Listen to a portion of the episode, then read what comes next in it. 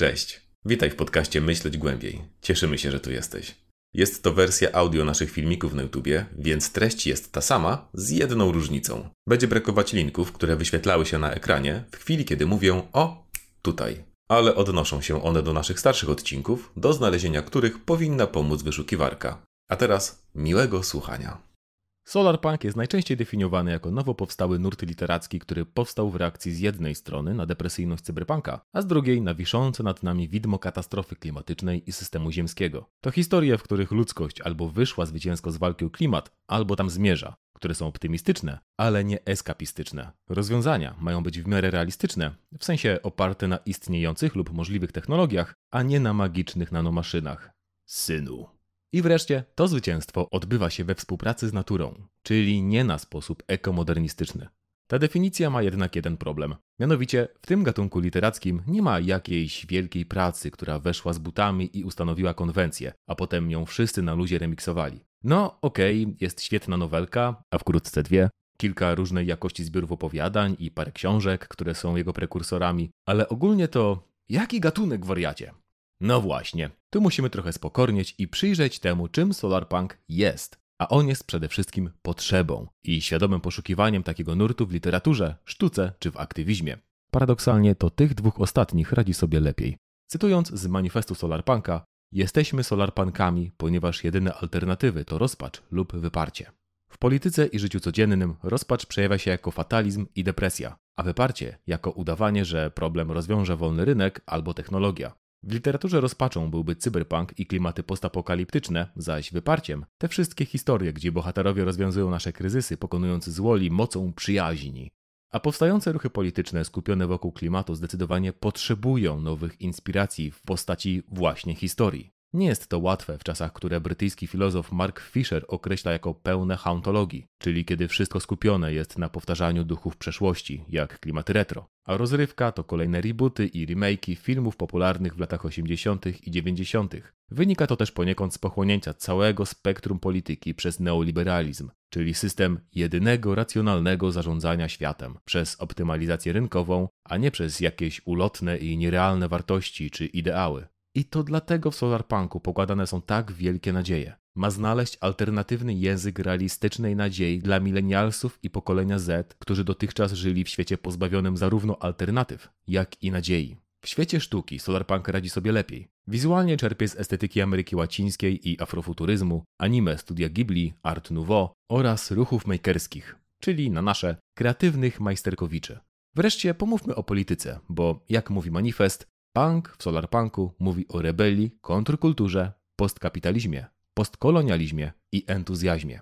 A, no tak, bo solarpunk jest antykapitalistyczny bez dyskusji. Owszem, nie wskazuje żadnego konkretnego kierunku rozwoju, więc teoretycznie pod solarpunk podpadałby zarówno zielony anarchokomunizm, jak i postwzrost, ale przy swojej antyhierarchiczności i decentralizacji z pewnością nie będzie pozytywnie nastawiony do idei kapitalistów zbawicieli, ani nawet koncepcji zielonego czy zrównoważonego wzrostu. Mówiąc ładnie, solarpunk bez antykapitalizmu to tylko cyberpunk polakierowany na zielono. Dlatego tak ważne jest wyczulenie na greenwashing, czyli ekościemę. Wieżowce ze szkła z zasadzonymi drzewami to nie solarpunk, bo takie budowle mają gigantyczny koszt środowiskowy, który te drzewa mają po prostu zasłaniać. Wręcz dosłownie. W ogóle wzrost jest koncepcją totalnie antysolarpunkową. Postęp tak, rozwój też. Owszem, jak najbardziej, jeszcze jak, ale wzrost dla wzrostu, tym bardziej ekonomiczny, kojarzy się mu raczej ze wzrostem komórek rakowych. Gospodarka powinna przede wszystkim służyć ludziom oraz współdziałać z systemem ziemskim, zamiast, jak teraz, służyć najbogatszym kosztem planety. A co z technologią? O ile w cyberpunku wysoka technologia jest przeciwstawiona niskiemu standardowi życia, tak w solarpunku to ona zapewnia jego wysoki standard. Dlaczego? W tym pierwszym jest kontrolowana przez nastawione tylko na zysk megakorporacje, a hakerzy muszą wyrywać od nich jakieś jej strzępki. W tym drugim zaś technologia jest demokratyczna, a hakerzy wymyślają po prostu innowacyjne zastosowania bez potrzeby zysku czy patentów. W solarpunku, zwłaszcza praktycznym, jest mnóstwo majsterkowania. Urządzenia nie muszą być szklane i błyszczące, aby wyglądały ładnie na wystawie, a po minucie używania być pełne odcisków paluchów i mikrorysek. Urządzenia mają działać. być przyjazne w użyciu i przede wszystkim być pozbawione planów Plus, Premium, Pro, Ultimate i Enterprise. Wszystkich oczywiście za miesięczną opłatą. Czym Solarpunk różni się od hipisów? To trudne pytanie, bo hipisi w naszym rozumieniu zostali już całkowicie zasymilowani, czy mówiąc ładniej, zrekuperowani przez kapitalizm i zdewaluowani przez polityków konserwatywnych, a Solarpunk jest ruchem, który nadal się tworzy. Z pewnością jest kontrkulturą i ma dostęp do odkryć nauki i filozofii, które nie były dostępne w latach 60.